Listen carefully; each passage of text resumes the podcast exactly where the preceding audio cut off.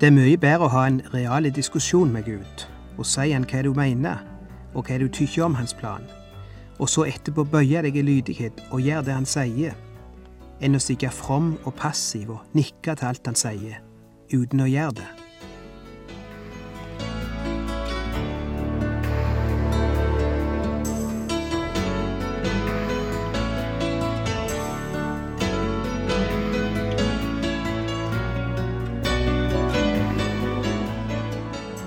Hjertelig velkommen til et nytt program i serien Vindu mot livet. Vindu mot livet er basert på programserien Insight for Living ved Chuck Svindal.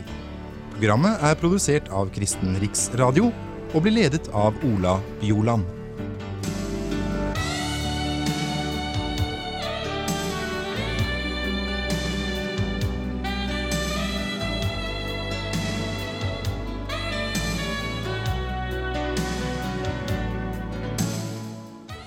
I dag vil jeg snakke litt om det å vandre med Gud. Jeg vet at det lett kan bli klisjeer når vi bruker slike uttrykk. Det blir brukt så mye i forkynnelsen, og det er liksom blitt litt for opphøya og salvelsesfullt for noen av oss. Det er liksom imot vår natur og vår tid, dette uttrykket. Ei tid som blir prega av stort tempo og store begivenheter, støy og stress og aktivitet. Dette med å vandre med Gud passer liksom ikke inn i tida, for vi vandrer ikke lenger. Vi springer. Vi raser av gårde. Jeg har tenkt en del på dette. Kona mi og jeg har snakket en del om det. Barna begynner å vokse til.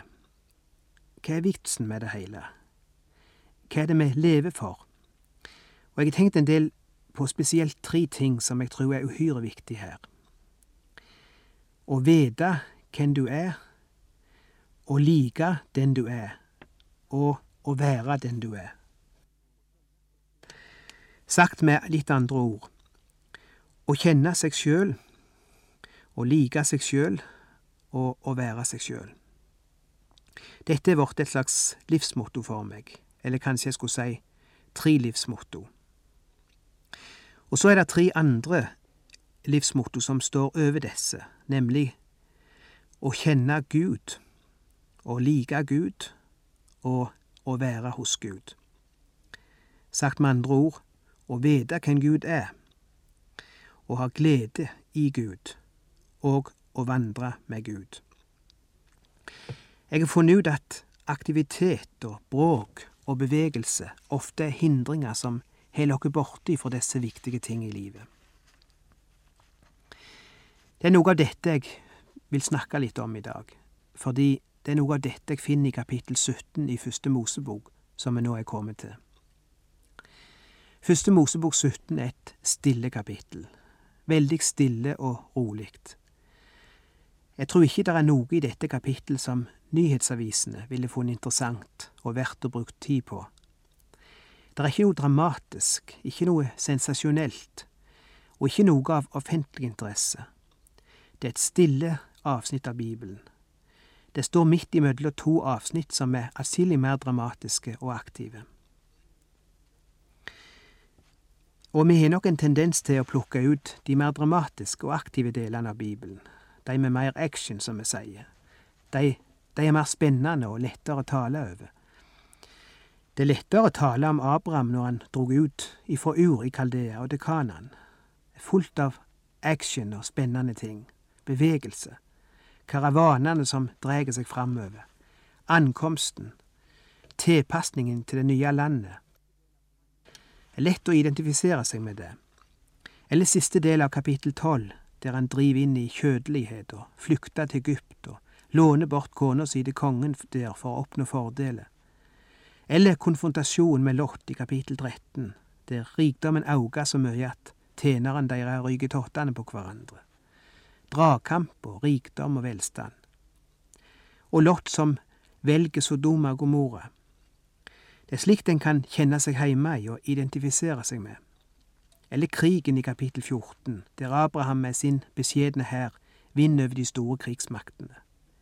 Eller kapittel 16, der han ligger med tjenestejenta til Sara, og all smerten og konfliktene det fører til. Men når du kommer til kapittel 17, er alt liksom så stille rundt Abraham og hans familie. Ikke de store, sensasjonelle nyhetene og hendelsene. Se på siste vers i kapittel 16. Abraham var 86 år da Hagar fødte Ismael. Og så første vers i kapittel 17. Da Abraham var 99 år, viste Herren seg for ham og sa.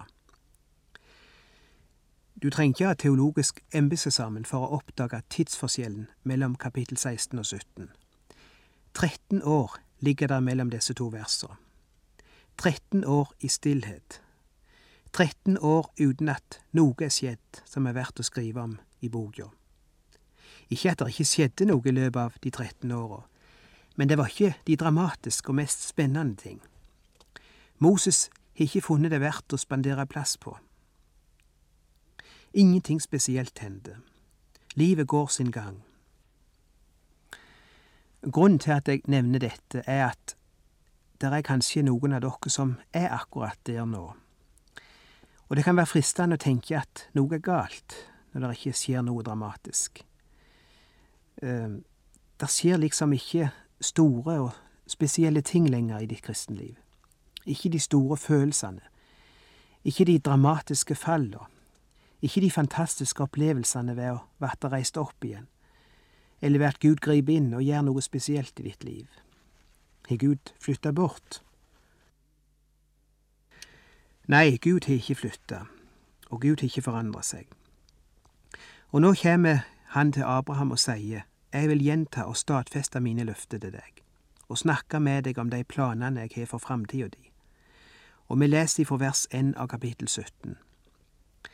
Da Abraham var 99 år, viste Herren seg for ham og sa, Jeg er Gud den allmektige, lev for mitt åsyn, vær hel i din ferd.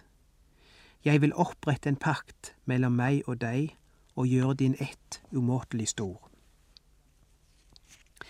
Lev for mitt åsyn, sier Gud. Den gamle oversettelsen har vandra for mitt åsyn. Og der har du det, det ordet som jeg vil vie litt oppmerksomhet i dag. Vandre for mitt åsyn. Hva betyr det å vandre med Gud? Hva innebærer det?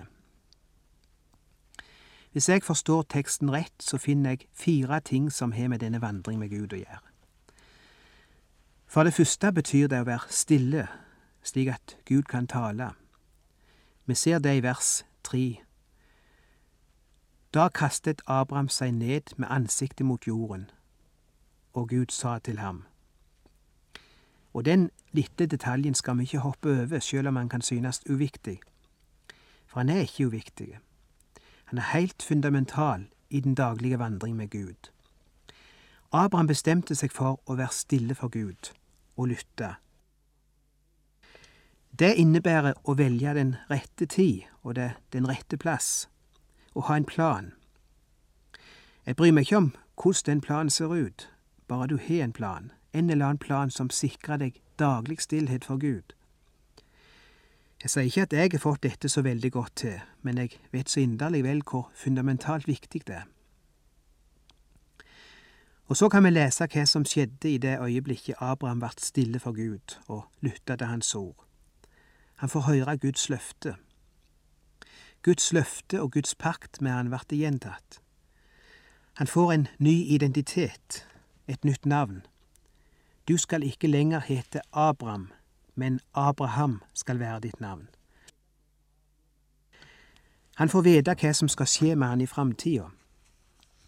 Du skal bli far til mange folk. Slapp av, Abraham, ikke vær redd. Gud er på tronen ennå og han kommer sine i hu. Sjøl om det ikke har skjedd så voldsomme ting i livet ditt i det siste, Abraham, ingen store følelser og ingen dramatiske begivenheter, så skal du vite at jeg er her fortsatt. Jeg har ikke flytta ifra deg.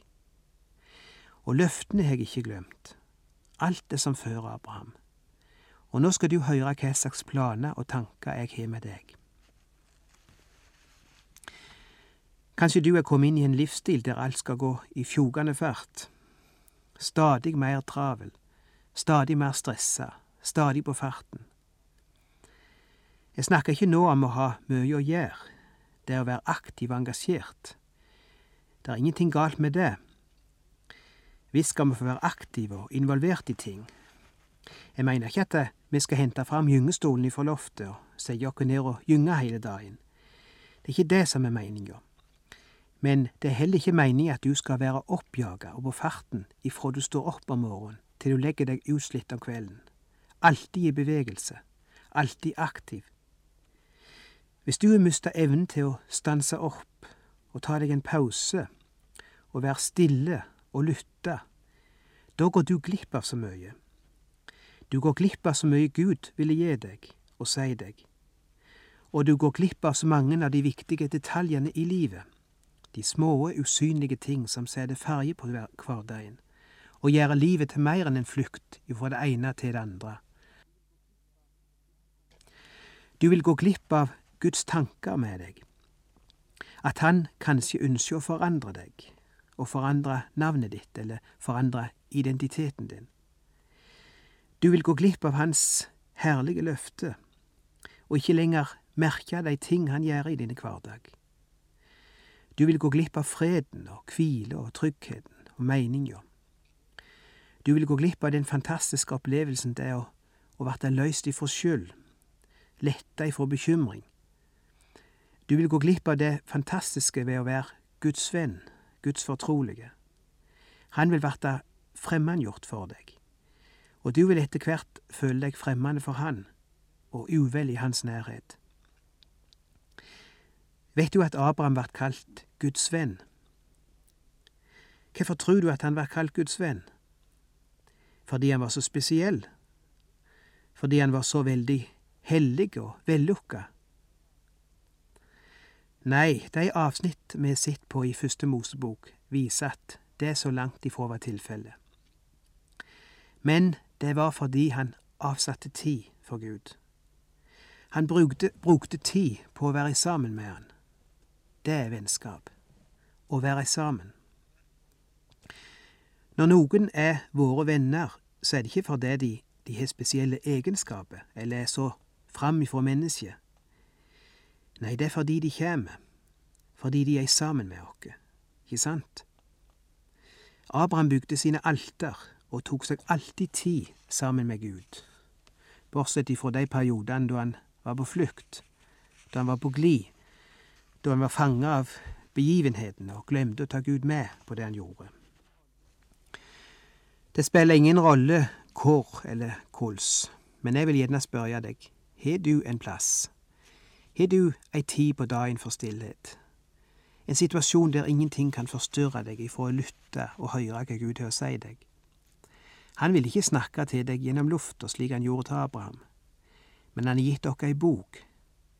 Ta den med deg til plassen din, der du kan møte Gud. Det vil forandre hele hverdagen din. For det andre ser vi ut ifra dette avsnittet i første Mosebok 17 at å vandre med Gud kan innebære bestemte forandringer i livet ditt. Gud har nå snakket til Abraham om hans familie, og han har snakket om hans framtid, og nå går han over til å snakke om han sjøl. Det skal skje en forandring med deg, Abraham. Du skal få et nytt navn. Og ikke bare det, ifra vers 10 snakker han om en annen forandring. Alle menn og gutter hos dere skal omskjæres. Dere skal la forhuden skjæres av, og det skal være tegnet på pakten mellom meg og dere.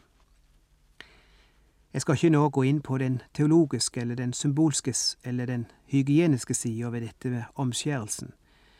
Vi skal nøye oss med å konstatere at i vandringen med Gud så skjer det en forandring med oss, noe som skiller oss ut ifra andre, noe som viser at vi vandrer med Han, et tegn, et merke, du skal vandre med meg, Abraham, og fellesskapet mellom oss skal ha et tegn. Det skal være noe spesielt med deg og med det folket som vandrer med meg, noe som kjennetegner dere, noe som skiller dere ut. Og opp gjennom historien har det nok vært fokusert på litt forskjellige ting som skulle skilje de kristne ifra verden. Sikt er ikke lik med denne verden, står det jo, Og ofte har en tenkt på hårlengde eller sminke eller klesdrakt eller dansing eller kino. Og det kan godt være at, at det kan være aktuelt i gitte situasjoner, at vi også skal skilje oss ut der, men jeg tenker nok på noe mye mer grunnleggende når vi leser om dette. Og det har vi snakket om i tidligere program òg. Og vi har fått veldig god anledning til å snakke om dette hjemme i det siste, når ungene kommer hjem fra skolen og sier mamma, pappa, vi må ha det og det, for alle har det.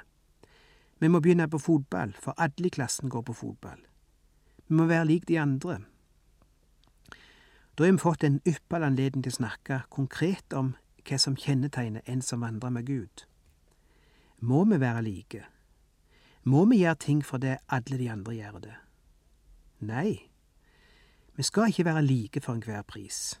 Vi kan godt, for all del, hvis vi finner det positivt og formålstjenlig.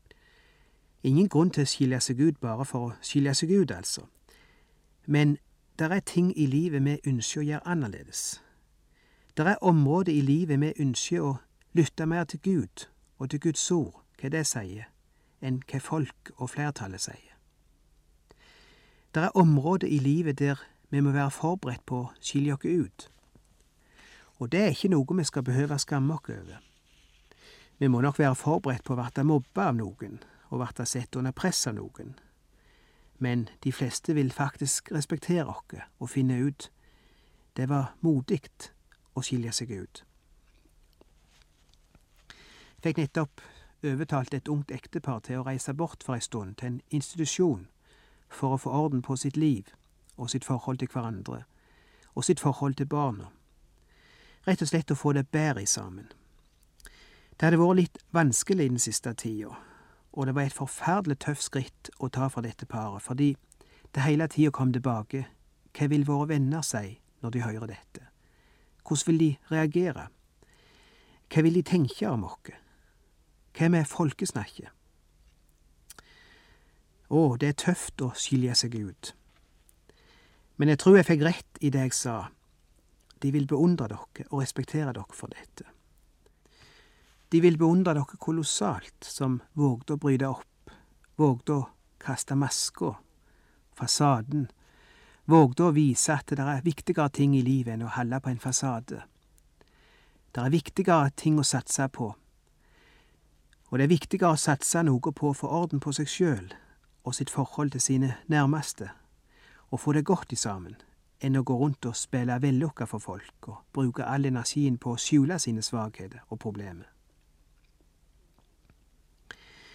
Kjennetegnet på en kristen er at han er villig til å skilje seg ut når det kreves.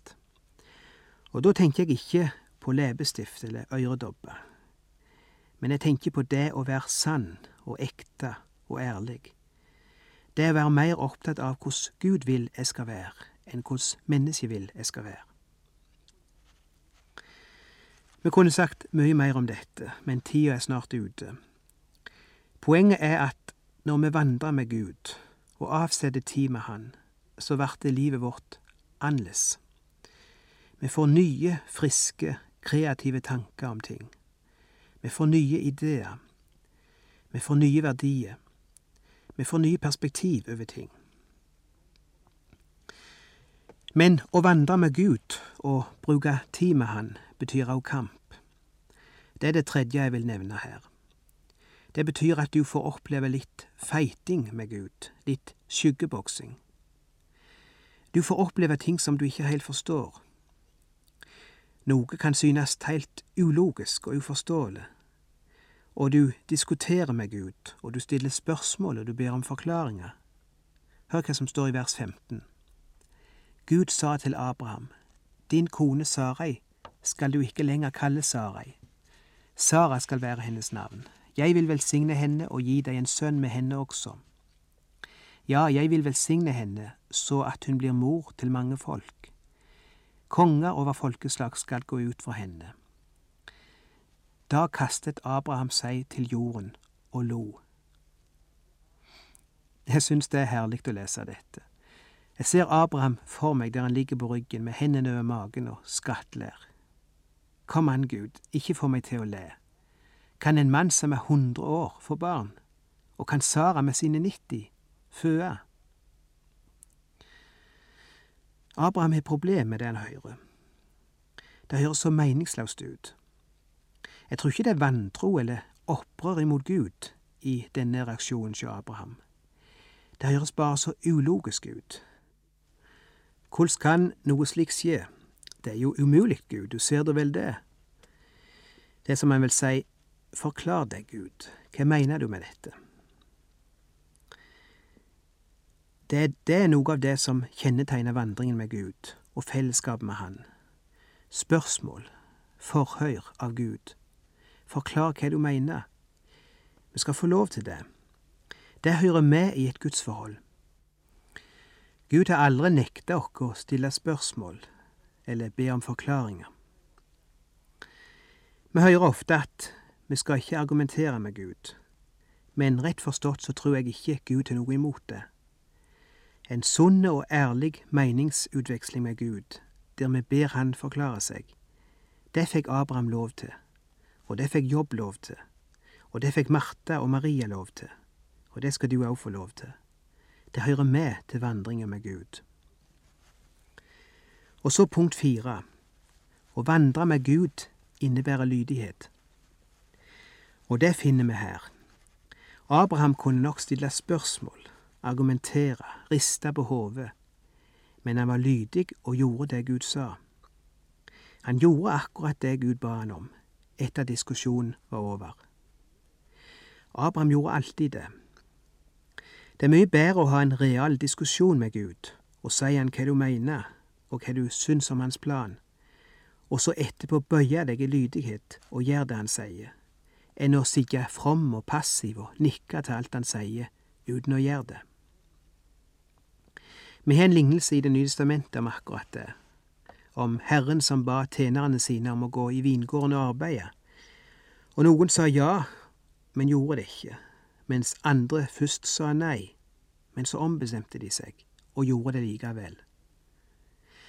Gud trenger ikke fromme og snille tilhørere som aldri protesterer på noe, fordi de ikke tenkt å gjøre det likevel.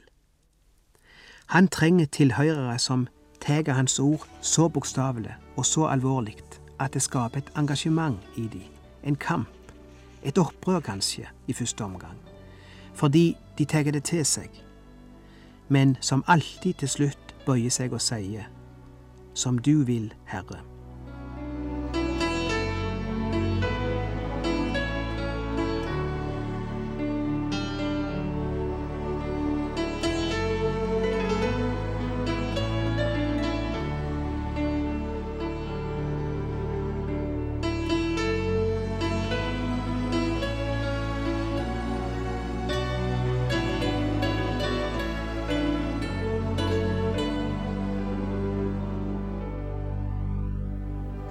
Du har lytta til Ola Bjoland i serien 'Vindu mot livet' fra Kristen Riksradios arkiv.